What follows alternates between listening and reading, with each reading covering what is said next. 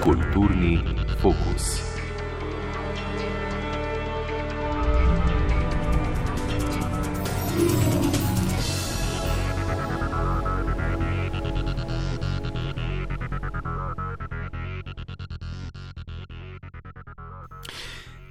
Le malo kdo ve, da slovenci nimamo le enega knjižnega jezika, ampak kar dva. Prvega, starejšega, tistega, ki se je začel razvijati s primožem Trubarjem sredi 16. stoletja, seveda poznamo in bolj ali manj uspešno uporabljamo vsi. Kaj pa je z drugim? Ta se je začel razvijati v prvi polovici 18. stoletja na skrajnem severovzhodu slovenskega narodnega ozemlja in ga danes poznamo kot prekmurski knjižni jezik. V še ne tako oddaljeni preteklosti je bil na desnem bregu Mure na precej slabem glasu, čež da predstavlja nedopusten odklon od osrednje slovenske knjižne norme, da torej slabi našo narodno enotnost, spričo česar bi ga bilo treba čim hitreje poslati na pregovorno smetišče zgodovine. No, danes pa ravno obratno, skupaj z jezikoslovci in literarnimi zgodovinarji, Naposled spoznavamo, da je med 18. stoletjem in koncem Prve svetovne vojne razmeroma obširna slovstvena produkcija v prekmurskem knjižnem jeziku pravzaprav odigrala ključno vlogo pri ohranjanju slovenskega značaja prekmurja in porabja. Drugače rečeno, ko bi ne bilo številnih knjig, časopisov, koledarjev in rokopisov napisanih v knjižni prekmurščini, bi najbrž ne mogli, kakor bomo to storili čez nekaj dni, 17. augusta, obeleževati praznika združitve prekmurcev z matičnim narodom. Zato bomo, spoštovane poslušalke in cenjeni poslušalci, v nocojšnjem kulturnem fokusu pod drobnogled vzeli prekmurski knjižni jezik, njegov nastanek, najviše dosežke in usodo v zadnjem stoletju. To pa bomo dopolnili še s premislekom o literarni ustvarjalnosti sodobnih prekmurskih avtorjev in avtoric, ki seveda pišejo v pogojno rečeno trubarjevi slovenščini. Pri vsem tem nam bo v pomoč publicist, urednik in literarni zgodovinar Franci Just, eden vodilnih poznavalcev literarne zgodovine slovenskega panonskega prostora. Gospod Just, lepo pozdravljeni, dober večer. Prav lep pozdrav tudi vam in eh, vašim poslušalkam ter poslušalcem. No, zdaj, zanima me, katere so bile ključne poteze političnega, verskega in ekonomskega življenja na levem bregu Mure, zaradi katerih se ta osrednje slovenska knjižna norma, ki sta jo oblikovala Trubar in seveda Dalmatin, eh, tam ni zares uh, prijela. Ja, v političnem pogledu je to vsekakor vključitev območja med Rabo in Muro, kjer so živeli prekmurski slovenci, torej to je območje današnjega prekmurja in porabja, torej vključitev tega območja v 11. stoletju v mađarski eh, državni okvir. E, to je seveda eh, pomenilo precej drugačen družbeni, kulturni in socialni razvoj, kakor je potekal v Habsburških dednih deželah, drugačno družbeno-politično in versko življenje, drugačne izobraževalne in ekonomske razmere, ne na zadnje tudi drugačen jezikovno-kulturni razvoj. Ampak, če prav razumem, gospod Franci Just, so temu na vkljub prekmurci zelo dobro vedeli, da na drugi strani Mure živijo ljudje, ki govorijo zelo podoben jezik, kaj ne?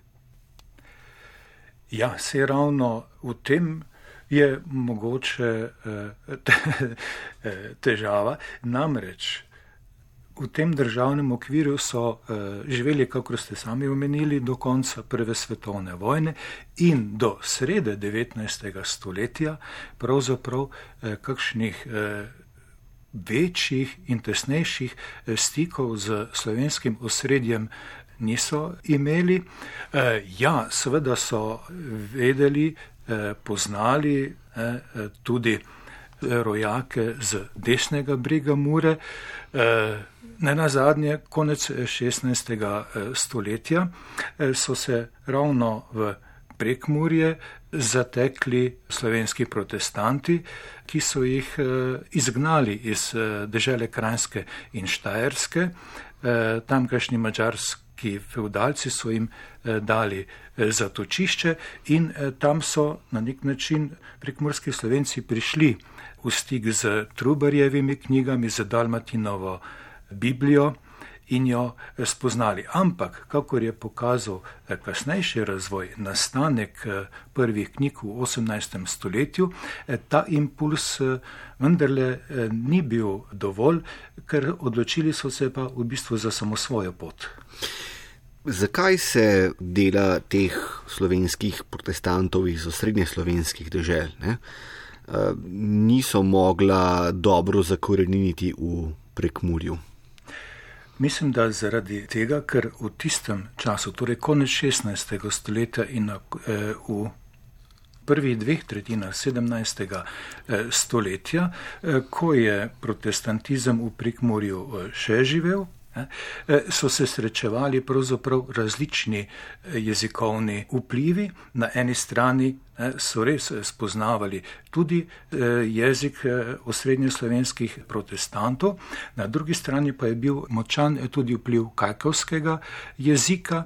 In tretje je pa pravzaprav bilo panonsko-slovensko izročilo obredne terminologije, ki se je med prekmorskimi slovenci pa od Srila in metoda eh, do tistega časa prenašalo ustno.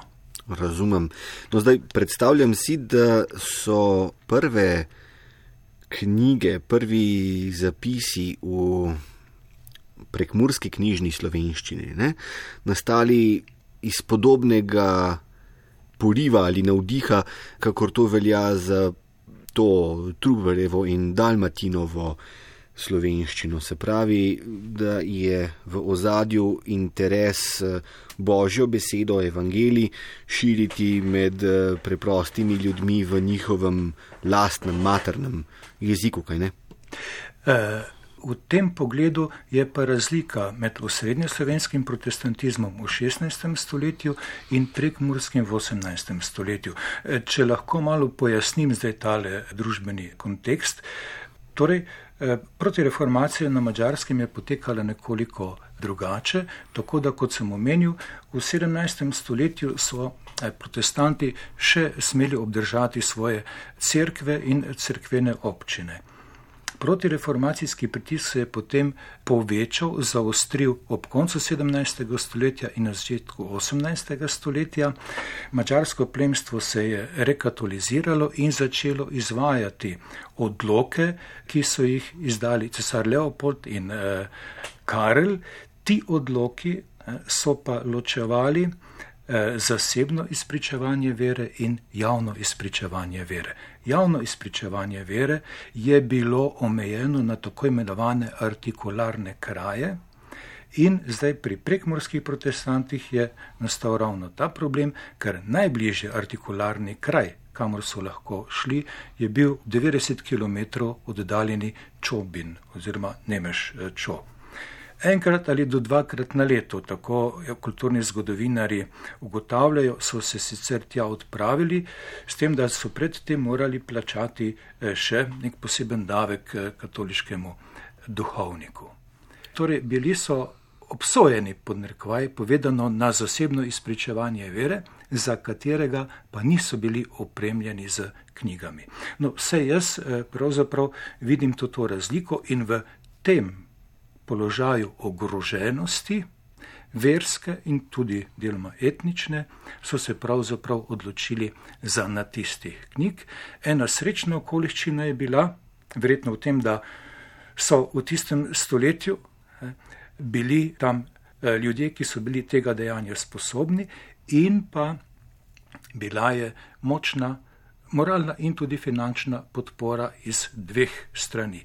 Na eni strani iz bratislavskega evangeličanskega kroga, na drugi strani pa iz pietističnega nemškega kroga v Haleju. In nemški pietisti so v tistem času imeli jasen načrt podpore protestantom v vzhodnji Evropi.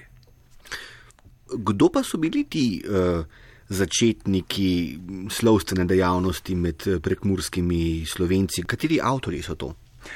Torej, eh, sam potek priprav in tiskanja knjig je pa šel po preizkušenem eh, protestantskem vzorcu, torej najprej katekizem, njegov avtor je Franz Temlin, leta 1715 je išel tako imenovani mali katekizmus, potem je sledil abecednik, to je bil abecedarium slovensko 1725. leta in potem prevod svetega pisma. Dalmatin je v slovenskem osredju opravil celoten prevod, v Prekmurju je pa Števan Kuzmič leta 1771 pripravil prevod nove eh, zaveze z naslovom Novi zakon ali testamentom Gospoda našega Jezuša Kristuša in tako naprej. Eh, eh, raziskovalci na podlagi korespondence oziroma drugih poročil sklepajo in ugotavljajo, da je imel pripravljen tudi prevod eh, stare zaveze, ki pa je verjetno takrat, ko je njegova hiša pogorela, pač izginil tam v plamenih. Ja, neverjetne so usode rokopisov in knjig, kaj ne. Tole moram vprašati, gospod Just. Zdaj, tri imena sva nekako izpostavila ne, kot um, očete eh, prekmurske knjižne norme, ne. ampak če potegneva še eno paralelo z osrednje slovenskim prostorom. Ne, tukaj v Ljubljani in okolici na Kranskem, skratka, že od najzgodnejših začetkov pri Trubarju vidimo, kako se osrednja slovenska knjižna norma pravzaprav rojeva iz prepletanja oziroma zlivanja lastnosti različnih narečnih skupin, na začetku predvsem dolenske in gorenske. Um, ali je bilo kaj podobnega mogoče opaziti tudi v prekmurskem primeru, da so se različni krajevni govori iz prekmurja nekako prepletli, združili, predrugačili, zato da bi na vse zadnje nastal prekmurski knjižni jezik. Ja, to drži tudi za prekmurski prostor. E, torej, Števan Kuzmič je z svojim prevodom nove zaveze na nek način ta jezik kodificiral oziroma e, normiral in pri tem je sledil načelu, ki je vodilo tudi Trubarja, e, to je načelo ne, približati jezik verskih knjig vernikom. E, tako da je tudi on ne, izročilo, ki je že obstajalo, ne, postavil na ljudski govor goričko-ravenskega območja. To je vzel za osnovo in na tej osnovi potem ustvaril ne, in kodificiral ta prekmurski knjižni jezik. Za vse tiste, ki ne vedo, ravenski govor je govor, ki se govori vzhodno od Murske sobote. Torej, Goričko verjetno je pojem geografsko toliko razumljiv, e, Ravensko je pa območje ja, med Goričkim, e, vključno z Mursko soboto, e, proti Tišini in Bogojini, južneje pa je potem območje tako imenovanih dolinskih govorov. Razumem. No, zdaj, Kuzmičev prevod nove zaveze. Ne? Je najbrž največji dosežek slovstvene dejavnosti v prekmurskem knjižnem jeziku. Skratka, to delo, ki je na nek način postavilo normo, je najbrž tudi obenem že vrh prekmurskega knjižnega udejstvovanja ali kako. Kismičevo prevodno dejanje je izjemno. Sej prevod svetega pisma v kateri koli jezik pomeni prvovrsten kulturni dosežek in ta jezik kulturno legitimira in pravzaprav izkaže njegovo izrazno eh, moč. Poleg tega Števan Kizmič je prevajal iz eh, grščine in je v tem pogledu njegov prevod pravzaprav prvi eh, slovenski prevod iz grškega izvirnika, od tot izvirajo tudi ene skladenske posebnosti, eh, deležja, naši uši, deležniki in tako naprej. Ampak, ko so pa spoznali ta njegov prevod eh, drugje, je pa imel izjemen odziv. Zasledil sem pravzaprav prvi zapis o Kizmičevem prevodu je pripravil že leta 1797. lužiško-srpski zgodovinar in jezikoslovec Gottfried August von Anton in je v Allgemeiner eh, Literarischer Zeitung v Leipzigu objavil zapis eh, o njem in zelo pohvalil ta prevod, celo je eh, zapisal, da majhno ljudstvece Folkheim v zahodu Mačarske je tolikšne sreče, da ima svoj prevod nove zaveze. Kasneje so ga prebirali slavisti Dobrovski, Kopitar, Miklošič, zelo cenili in pravzaprav na podlagi tega prevoda tudi ugotavljali sorodstvo med eh, prekmorskim knjižnim jezikom in slovenskim. Eh, ampak verjetno bi pa moral še to povedati, je pa prav tako pomembno dejanje le neke desetletja in pol kasneje eh, na katoliški strani upravil Mikloš Kuzmič, namreč Leta 1777 sta se združili Gjörska in Zagrebška škofija, v kateri so bili predtem crkveno pravno organizirani prekmorski katoliki v Sombatelsko eh, škofijo in takratni prvi škof Janoš Sili je podprl prizadevanja Mikloša Kuzmiča, da bi svojim vernikom pa prav tako ponudil knjige v njihovem jeziku. Mikloš Kuzmič je prevzel Števanovo normo, kakor jo je kodificiral in potem v svojih eh, knjigah, predvsem v svetih evangelijumih in knjigi molitveni, ki so bile veliko krat ponatisnjene, to, to normo širil tudi med eh, prekmorskimi katoličani in jo uzaveščal. Tudi njegovi eh, prevodi sedem knjig, eh, je ostalo za njim tudi učne knjige in podobno, so prav tako zelo veliko dejanje. Ja, seveda ne.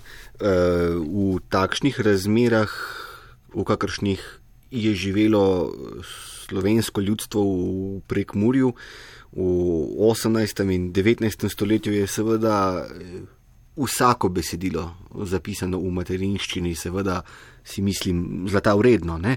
Moram pa vprašati, gospod Franci Just, uh, kakšni so bili po tipološki plati ti zapisi? Je tu šlo predvsem za besedila verske narave ali so se jim sčasoma pridružila tudi drugačna uh, besedila? Ja, torej. Uh dejansko, če bi pogledali na položaj z zornega kota funkcijskih zvrsti jezika, potem lahko povemo, da je pravzaprav prekmurski knjižni jezik ta model popolnoma izpopolnil. Torej, prekmurski knjižni jezik je bil bogoslužni jezik in je bil jezik verskih knjig, bil je učni jezik in jezik učbenikov, bil je strokovni jezik, torej ne samo v učbenikih, ampak eh, tudi v poljudnih in strokovnih knjigah, naprimer eh, Jožef Košič, znan pisec iz eh, prve polovice 19. in srede 19. stoletja, je pripravil zgodovino pisno knjigo Zgodbe Vogorskega kraljestva, pripravil je poljudno poučno knjigo z obrisani Sloveniji Slovenka med Mirov in Rabov in tam pravzaprav uveljavljal prekmurščino tudi kot strokovni jezik. Eh, zanimivo, pravzaprav je stroko, eh, prekmurščina razvila tudi slovnično terminologijo in sicer v dveh slovnicah mačarskega jezika, ki so jo pripravili. Bila je tudi jezik pravnih besedil, Recimo naj, najstarejše pravno besedilo je rokopisna, sicer Martijanska pogodba iz leta 1743, kasneje so državne zakonike prav tako prevajali v prekmurščino najrazličnejša eh, obrtna pravila in podobno. Seveda posebno poglavje v prekmurskem knjižnem jeziku pa pomeni publicistika. Torej, prvi prekmurski časopis Prijatelj v letih 1875-1879, kasneje še drugi periodični tiski, na začetku 20. stoletja. Ja, to... In ne na zadnje lahko povemo tudi to, da so v tem prekmurskem knjižnem jeziku, ne, prekmurski slovenci, ne, svoje osebno in skupnostno bivanje izrazili tudi na umetnostni, torej literarno-estetski način in da so med njim nastajala tudi literarna besedila. Ja, vse to pomeni skratka, da je korpus besedil napisanih v prekmurski knjižni govorici pravzaprav kar obsežen, kaj ne? Presenetljivo obsežen, glede na socialno-kulturne ekonomske razmere, v katerih je nastajal. Koliko pa imamo ohranjenih, recimo, knjig, uh, tiskanih v knjižni prekmurščini? Prvo tiskov je nekaj čez sto, ne, je pa potem hkrati eh, treba upoštevati še ponatise.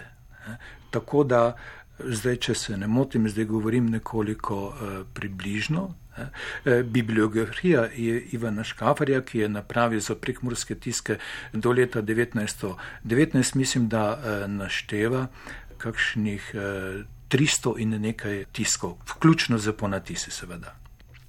To je prav impresivna številka, se mi zdi. In izvode tega hranimo kje? V Narodni in univerzitetni knjižnici v Ljubljani ali ne mara raje v Murski soboti? Torej, Izvodi teh knjig so pa na zelo različnih mestih. Eh, v Budimpešti, v Nuku, v Ljubljani, v UKM-ju, v Ljubljani, v Pokrajinski in študijski knjižnici Murski soboti. Eh, nekaj tega gradiva je tudi v arhivih posameznih eh, župni in evangeličanskih cerkvenih občin in tudi nekaj pri posameznikih. Zelo zanimivo. No, navezal bi se, eh, gospod Just, na tisto, kar ste govorili eh, malo prej, namreč, da so Kizmičev prevod nove zaveze ne, z zanimanjem, znanstvenim zanimanjem, eh, brali številni jezikoslovci, Miklošiča recimo ste omenili. Ne. Zakaj je ta knjižna norma, kakor se vzpostavi po Kizmiču ne, ali z njim, Zakaj je tako zelo zanimiva za jezikoslovce?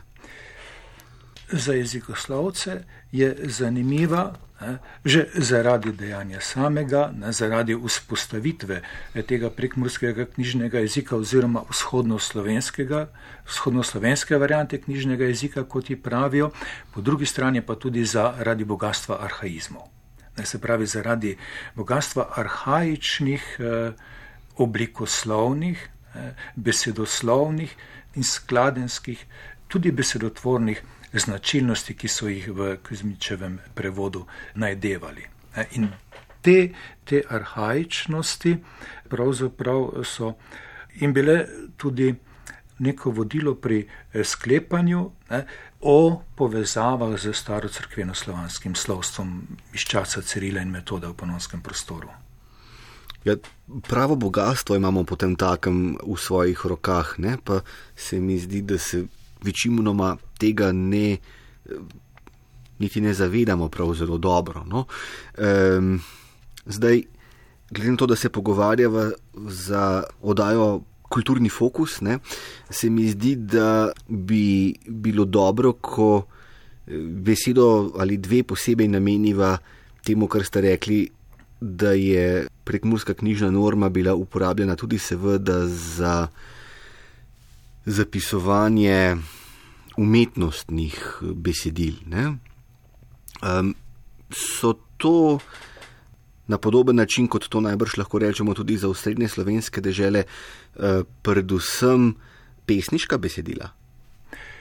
To so pesniška besedila, so uh, besedila pripovedne proze, tudi nekaj dramskih besedil.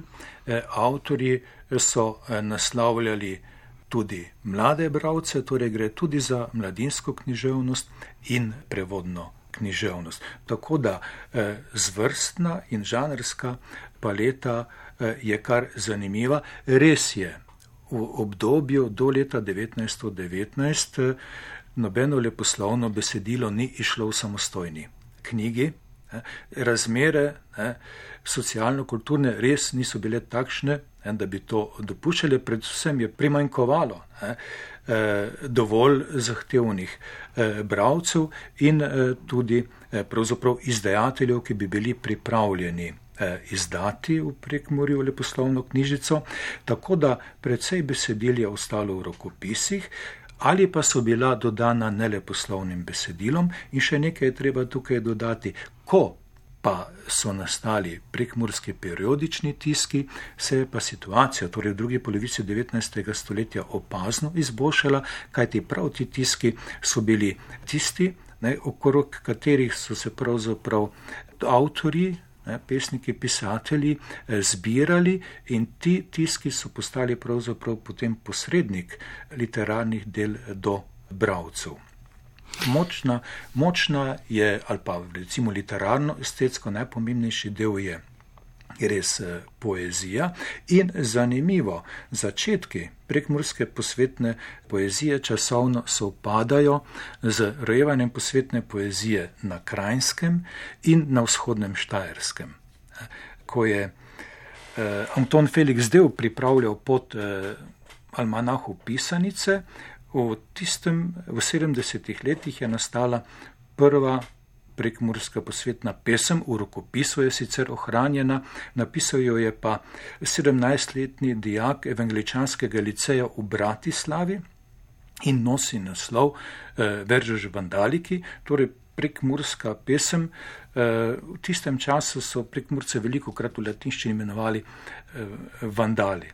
In on je potem v tem naslovu tudi tako uporabil. V liceju je bila namreč eh, navada, da so na pustni torek dijaki, prihajali so iz različnih jezikovnih okolij, v svojem maternem jeziku eh, pripravili pesemsko besedilo, to so bile vaje iz retorike in eh, poetike, hkrati pa so potem, bi lahko rekli, eh, delovali medkulturno ne, in so se na ta način tudi spoznavali. Skratka, gre za priložnostno pesem, ki opeva v takrat aktualni rokokojski maniri eh, mirno, zadovoljno zimsko življenje na vasi.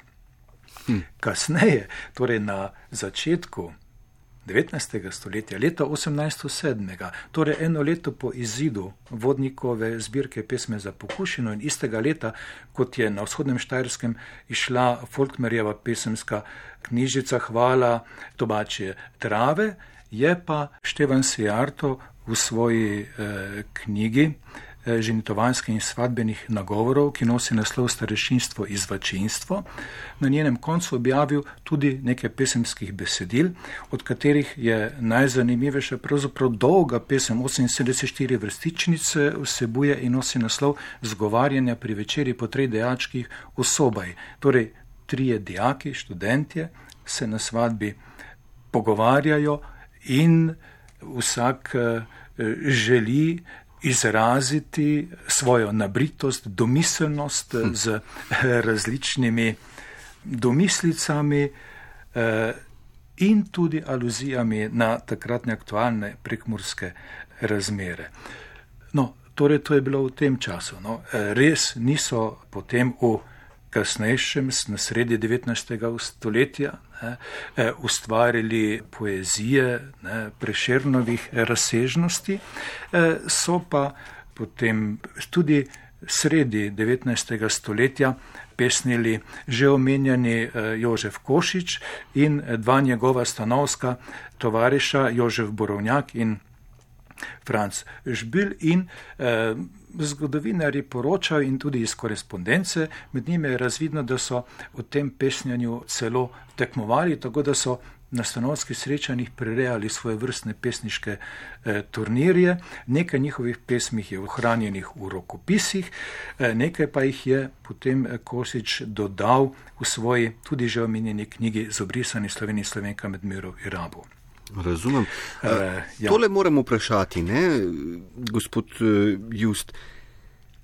Dobil sem občutek, ko ste takole popisovali te prve primere, najzgodnejše primere pesnanja v prekmurščini, ne, ki so se ohranili ja. nam v, v rokopisih, da gre tukaj zares za pravo umetno avtorsko poezijo, ki se zdi precej oddaljena od uh, ljudskega slovstva. A imam prav? Ja, to, to imate prav. To gre za avtorsko poezijo, ki je v bistvu spretna eh, tudi v verizifikaciji, v oblikovanju kitice ne, in eh, vsekakor je ne moremo povezovati z ljudskim slovstvom, ljudsko pesmijo. Ne, tukaj gre za literarno ustvarjanje, ki se je potem v drugi polovici 19. stoletja v že omenjenih tiskih pa okrepilo, tako da so, eh, zdaj, če gledava eh, zvrstno žanrsko, eh, pisali prigodniško poezijo, domovinsko liriko, osebno izpovedne pesmi, življensko refleksivne pesmi in v ta istih periodičnih tiskih tudi pripovedno prozo. Kako pa so na tak smel razvoj književnosti v prekmurščini gledali na mačarskem? Namreč, vse vemo, po letu 1848, po pomladi narodov, se ideja nacionalne pripadnosti, nacionalne identitete ne, eh, začne kot eh, požar širiti po eh, vsej srednji in vzhodni Evropi. Ne, in seveda Mačari živijo v kontekstu kraljevine Ogrske, ki je izrazito večnacionalna. Ja. So Slovaki, so Romuni, so Hrvati in so seveda prekmurski Slovenci v teh krajih, ki sodijo pod krono svetega Štefana doma. Ne? In zdaj se seveda sprašujem, kako so Mačari torej gledali na ne, razraščanje slovanske, slovenske, prekmurske književnosti na skrajnem zahodnem robu Ogrskega kraljestva. Ja, to zelo dobro ugotavljate, kajti eh, prej sem omenil, ne, da do srede 19. stoletja, do pomladi narodov, eh, stikov prekmurskih slovencev z rojaki, eh, onstran Mure ni bilo veliko. Zdaj se je pa situacija spremenila. V duhu programa Zedinjene Slovenije so potem ne, pa tudi slovenski, predvsem bližnji štajerski izobraženci začeli prihajati v prekmurje in vzpostavljati stike z prekmurskimi izobraženci. Ne na zadnje eno simbolno dejanje, Peter Kozler je v svoj zemljovid, kot ga je imenoval, ne, slovenskih dežel in pokrajin, vrisal tudi območje med Rabo in Muro. In še to je treba dodati, torej pri teh zelo povečanih stikih ne, so v prekmurje prihajali tudi slovenski časopisi in knjige Mohorjeve družbe. Število poverjenikov družbe se je v prekmurju povečevalo in v letih 1890 do 1910 se je število naročnikov Mohorjeve družbe v Prekmurju gibalo tam od 2000 do 2500. Ja, to so zelo spodobne številke. Zelo, zelo spodobne eh, številke, eh, predvsem po dolinskem katoliškem delu, eh, ki je pač konfesionalno, bil bi lahko rekli, kompatibilen z eh, temi knjigami. Rezultat tega je pa bilo eh, seveda povečevanje in krepitev zavesti o medsebojni jezikovno-kulturni povezanosti in rezultat ne, je bil viden tudi v takratnem katoliškem časopisju. Če kar eh, povem, ne, to je bil kalendar, eh, ki se imenoval kalendar srca Jezuševega, to je bil mesečnik Marijin list in nekoliko kasneje tednik novine. Videl se je ne, vpliv ne, slovenskega jezika v prevzemanju besed, v prevzemanju oblik in tudi v leposlovju in publicistiki so se opirali na sorodno eh, slovensko časopisje in liste. No, nekoliko drugače je bilo pri evangeličanih. Eh, oni so pravzaprav ostali pri svojem slovstvenem jezikovno-kulturnem izročilu eh, tudi zaradi tega, ker na slovenski strani pravzaprav za nje ni bilo eh, verskega eh, zaledja.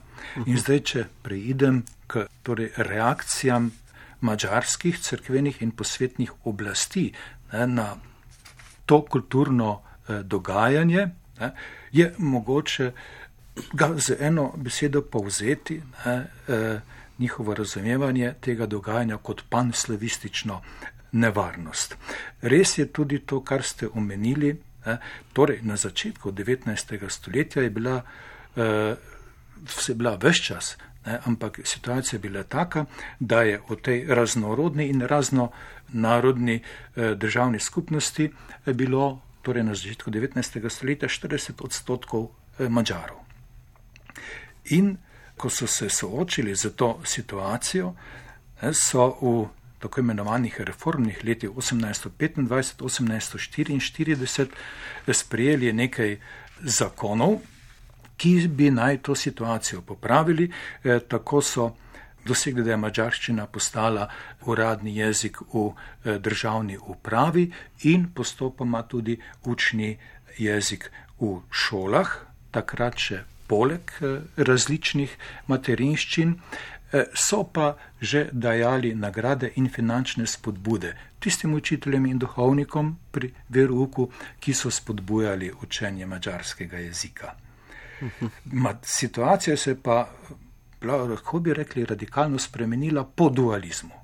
Ko je Mačarska dosegla pravzaprav enakopravnost, politično ravnovesje z avstrijskim delom monarhije, takrat so pa zelo hitro sprejemali zakonodajo, ki je to, lahko je rečemo, mačarizacijo eh, še okrepila. Leta 1868, naprimer, zakon o narodnostih, ki je eh, govoril o tem, da so vsi narodi na mačarskem v političnem smislu del enotnega in nedeljivega mačarskega naroda. Sprejeli so istega leta šolski zakon, ki je v verskih šolah še dopuščal rabo materinščine ob obvezni mačarščini, v tako imenovanih državnih šolah je pa bila mačarščina izključen učni jezik in v tistem času, torej v zadnji tretjini 19. stoletja, so v Prekmurju ustanovili 22 novih državnih šol. Kakšen je bil rezultat eh, tega procesa v šolstvu? Bil je ta, da so v let, šolskem letu 1905-1906 le še v sedmih šolah v Prekmurju poleg mačarščine poučevali še torej prekmursko materinščino. Ideološka podlaga te mačarizacije je pa bila venska teorija. Kaj pa je to? Venska teorija je pa bil pravzaprav en jezikovno-politični konstrukt, ki je trdil, da prekmorski slovenci sploh niso slovenci oziroma niti ne slovani, da so neko mačarsko pleme in da je njihov jezik pravzaprav svoje vrsten mačarski idiom. Hm. Ja, tako je to izgledalo. Ja, zdaj, če še eh, omenim, ja, le, eh, Konec 19. stoletja, leta 1898, pa je bil sprejet zakon o krajovnih imenih, ki je pa prepovedoval rabo nemačarskih zemljepisnih lastnih imen. E, ne samo na terenu, ampak tudi v zemljevidih, v učbenikih in podobno. Ja, zdi se mi, da je bil pritisk eh, močan. močan ja. In eh, da bi, ko bi ne bilo prve svetovne vojne, slovenstvu v prekmurju in porabil resnično trda predla. Um, toliko bolj se mi zdi, seveda, tudi zato, ker so v osrednjih slovenskih deželah, kako sem omenil že v samem uvodu v najn eh, nocojšnji pogovor, eh, gospod Franci Just, eh, ker so v osrednjih slovenskih deželah na to prekmursko knjižno normo, ki je pravzaprav vzdrževala pri življenju posebno identiteto prekmurk in prekmurcev, gledali nekako po strani, z nezaupanjem. E, pred letom 1919 e, pravzaprav niti ne, e, torej poročevalci o prekmurskih razmerah ne, so se pravzaprav zavedali situacije in te večstoletne ločenosti, ne, so pravzaprav na nek način, kot rečeno, to situacijo eh, sprejemali. V svojih poročilih ne, so sicer bili včasih eh, površni ne, in tudi kdaj pa kdaj krivični. Ne. Eh, kar pa zadeva potem situacijo po letu 1919 in po pridružitvi prek morja slovenskemu jezikovno-kulturnemu prostoru, je pa bila situacija drugačna. Takrat so pa takratni oblastniki in tudi jezikovni načrtovalci pravzaprav v prekmurskem jeziku videli nekaj, kar je odvečnega in kar je pač treba na nek način preseči. Sprva so sicer še obljubljali, da bo prekmurščina ostala tudi jezik javnega življenja, kasneje pa se to ni uresničilo, pravzaprav bi lahko rekli, da so se odločili eh, za model dirigiranega jezikovnega načrtovanja in integralno jezikovno politiko, ki pa ni upoštevala te prekmorske eh, specifike. In torej knjižno slovenščino so po hitrem postopku uvedli v urade, torej v uradovanje in tudi v šole kot učni jezik in ne, potem po vključitvi katoliškega dela prek Murja v eh, Mariborsko škofijo tudi v katoliške cerkve. To, je, to je sprožilo določeno nasprotovanje, ne, ker zdaj moramo pri tem upoštevati ne, eh, navezanost prek Murcev na ta svoj knjižni jezik, ki je bil temelj njihove duhovne samobitnosti in etnične zavesti. In v tem so se pravzaprav čutili ogoljufane in prizadete. Predtem je mačarska oblast ne, skoraj da ta jezik ne, izpodrinila ne, iz vsega javnega eh, življenja. Ne, zdaj so pričakovali, ne, da bodo ta svoj jezik lahko uporabljali naprej. Ne, in to so potem eh, recimo ne, temu, eh, duhovščina, učiteljstvo, ne, tudi večkrat javno izrazili, ni šlo za nasprotovanje uvedbi knjižnega jezika, ampak so pravzaprav računali na neke vrste jezikovno avtonomijo, se pravi, da bi ob knjižni slovenščini uporabljali ne, tudi še svoj prekmurski eh, knjižni jezik. Zdaj, če na hitro pomislim na Furlanijo, ne, v Italiji, ne, se pravi na neko podobno situacijo. Razumem. No, ampak, če se zdaj le skličem na recimo Miška Kranca ali pa na Ferda Godino, ne, oba dva sta začela objavljati pravzaprav v tem obdobju med prvo in eh, drugo svetovno uh, vojno. Ne. Mislim, da sta uh, požela kar nekaj zanimanja med slovenskimi bravkami in bravci, že tako rekoč s prvimi objavami. Ne. In ona dva sta seveda pisala v tej osrednje slovenski knjižni normi. Hočem reči, zdi se, da so bili med prekmurci tudi številni taki, ki pa so brez posebnih eh, težav prestopili v uporabo osrednje slovenske knjižne norme. To pomeni, da je moralo biti v samem prekmurju najbrž kar nekaj prepirov in uročih debat o tem, kaj in kako s knjižno prekmurščino torej za pričakovanja o jezikovni avtonomiji. Ne. Seveda je tu šlo predvsem za starejšo generacijo ljudi, ne, ki so ta prekmurski knjižni jezik eh, živeli, ne, doživljali in uporabljali predtem.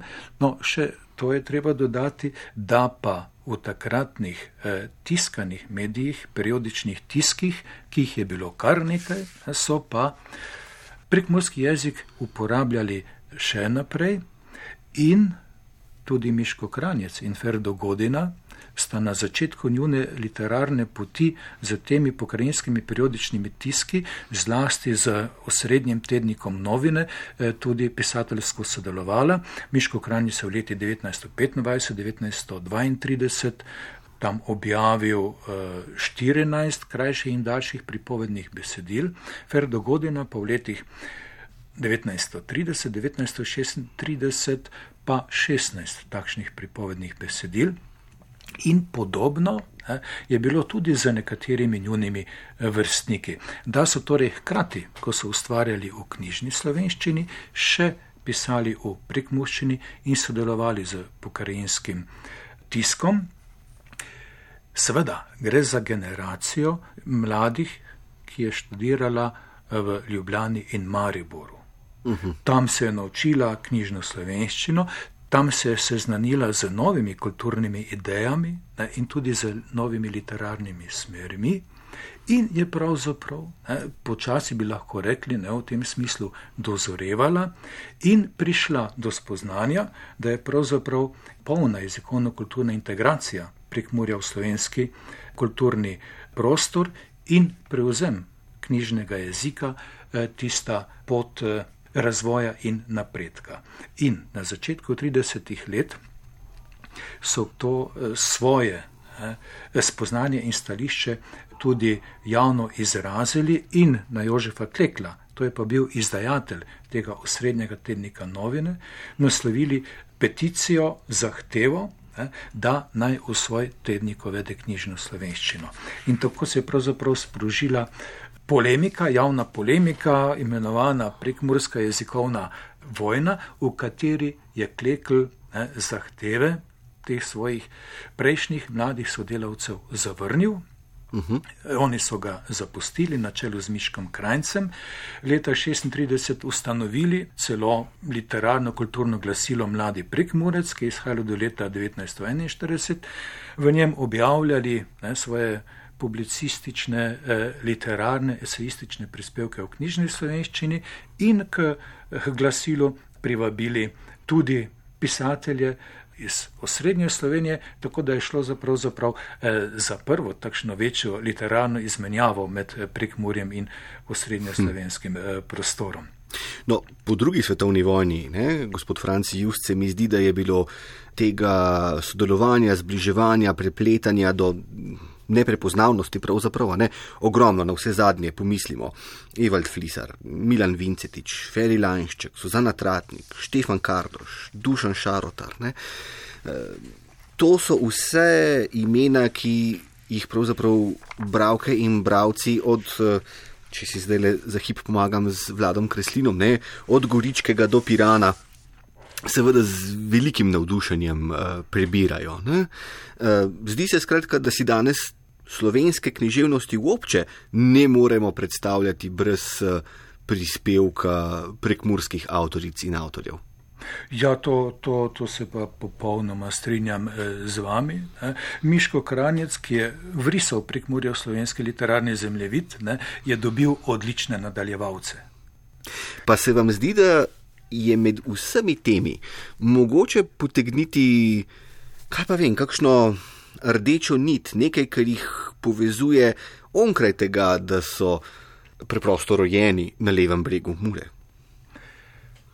Veste, veliko krat ne, pravzaprav bravke in bravci eh, njihovih del, pa tudi kulturna publicistika ne, v njihovih delih najdeva neko posebno prekmursko vzdušje in prekmursko atmosfero, Ne, pa se mi včasih zdi, ne, da je mogoče to pravzaprav projekcija njihov, hm. njihovih eh, pričakovanj, eh, eh, naslovniških, recepcijskih eh, pričakovanj in izvira pravzaprav iz eh, nagnjenja slovenskih bravk in bravcev ne, k izkušnji drugačnega, drugega, recimo temu tudi eksotičnega.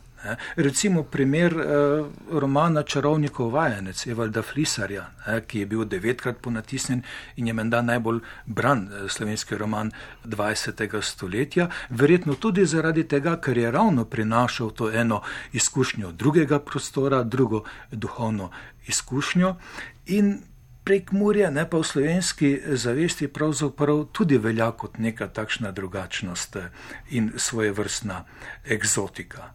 Ker če bi pa pogledali dela teh odličnih pisateljev in pisateljic, seveda, da tematizirajo tudi prek Murja, ali pa recimo ena takšna skupna motivno, tematska vez bi bila recimo ne, še eh, zgodovina, recimo Lajškova raza, loče bom peno od valov, Moriša ne, ali pa eh, Šarotarjev roman Biljard v Dobraju, tudi zgodovinsko snovjo, ne, ali pa na koncu koncev tudi Vladimirja Štefaneca, roman Republika jutranje rose, ampak kaj hočem povdariti? Hočem povdariti to. Gre za zgodovinsko snov ne, z konca Prve svetovne vojne, ampak vsak od teh naštetih pisateljev pa to eh, snov, ne, ne samo da snov obdela po svoje, ampak vanjo unese čisto neke druge ideje, čisto neka druga sporočila. In to, mislim, da se veliko krat to spregleda in da v kulturni publicistiki eh, tudi prehitro zaradi tega uporabijo poimenovanja kot prekmurski pesnik, prekmurski pisatelj, ne, ki se verjetno ravno ne, zaradi te snovne dimenzije pojavljajo in so pravzaprav neustrezna. Ja, seveda, vsak avtor stoji sam zase s svojimi lastnimi nogami sredi svojega ustvarjalnega ja. polja in uh, piše svojo lastno zgodbo. Ne, te počezne oznake ne, so seveda lahko neka dodatna informacija, nek dodaten bravski napotek, ampak nikakor pa seveda vnaprej ne povedo ničesar določujočega o literaturi, ki jo ti avtori pišejo nekaj podobnega, bi na vse zadnje lahko rekli za vse slovenske pisatelje in pesnike, kaj ne. Vsakdo med njimi seveda izhaja iz nekega prostora, ki ga določajo skupna zgodovina in kultura, ampak vsakdo med njimi je svoj lasten človek. Ja.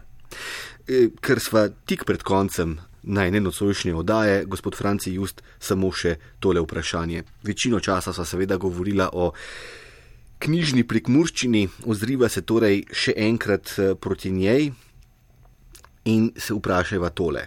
So jo avtorji in avtorice preprosto eh, nehali uporabljati ali kje in pri kom vendarle še živi? Pravzaprav je. Eh niso prenehali eh, uporabljati. Eh, prej sem omenil, ne, da je potem tudi po eh, pridružitvi prek Morja slovenskemu družbeno-političnemu in jezikovno-kulturnemu prostoru izhajal periodični tisk v prekmoščini in tam se je pravzaprav ta literarna ustvarjalnost v prekmurskem jeziku nadaljevala, prav tako v poeziji, pripovedni prozi in v večji meri tudi v dramatiki in pravzaprav ne, potem tudi po drugi svetovni vojni, sicer v manjši meri, ne, kajti takrat eh, jezikovna politika ni bila naklonjena narečjem in je eh, reprezentativno kulturno vlogo prisvojala samo eh, slovenskemu knjižnemu eh, jeziku. Se je pa ta situacija spremenila po osamosvitvi Slovenije, ko je slovenščina postala državni eh, jezik in se je pravzaprav iz tega položaja rojevala tudi svoja vrstna samozavest in pa demokratičnejši odnos do tako imenovanih nejezikovnih knjižnih zvrsti, tudi do narečja. In tam po letu 1995 beležimo velik porast eh, tako imenovane narečne književnosti ki je nastajala v slovenskih zamejskih okoljih, od Rezije, Beneške Slovenije do Porabja, pa ne samo tam, ampak tudi znotraj državnih meja. In v tej, če jo imenujemo sodobna slovenska narečnost, je eden od stebrov ustvarjanje v prekmurskem jeziku.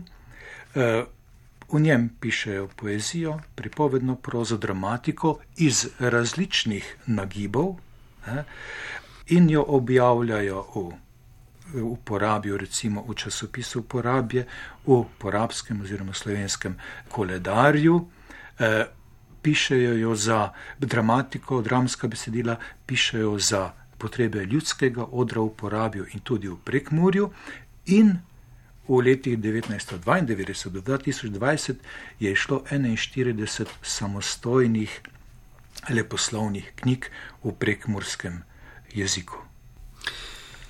Gospod Franci Just, najlepša hvala za tale pogovor in za vsa pojasnila.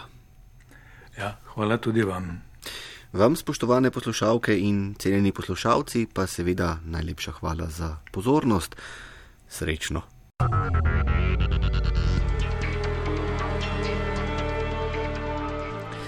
S tem smo prišli do konca tokratnega kulturnega fokusa. Odajo, ki lahko prisluhnete tudi v obliki podcasta ali jo poiščete na spletni strani prvega programa, sem pripravil in vodil Goran Dekliva, zvočno pa jo je oblikoval Marko Krebs. Kulturni fokus.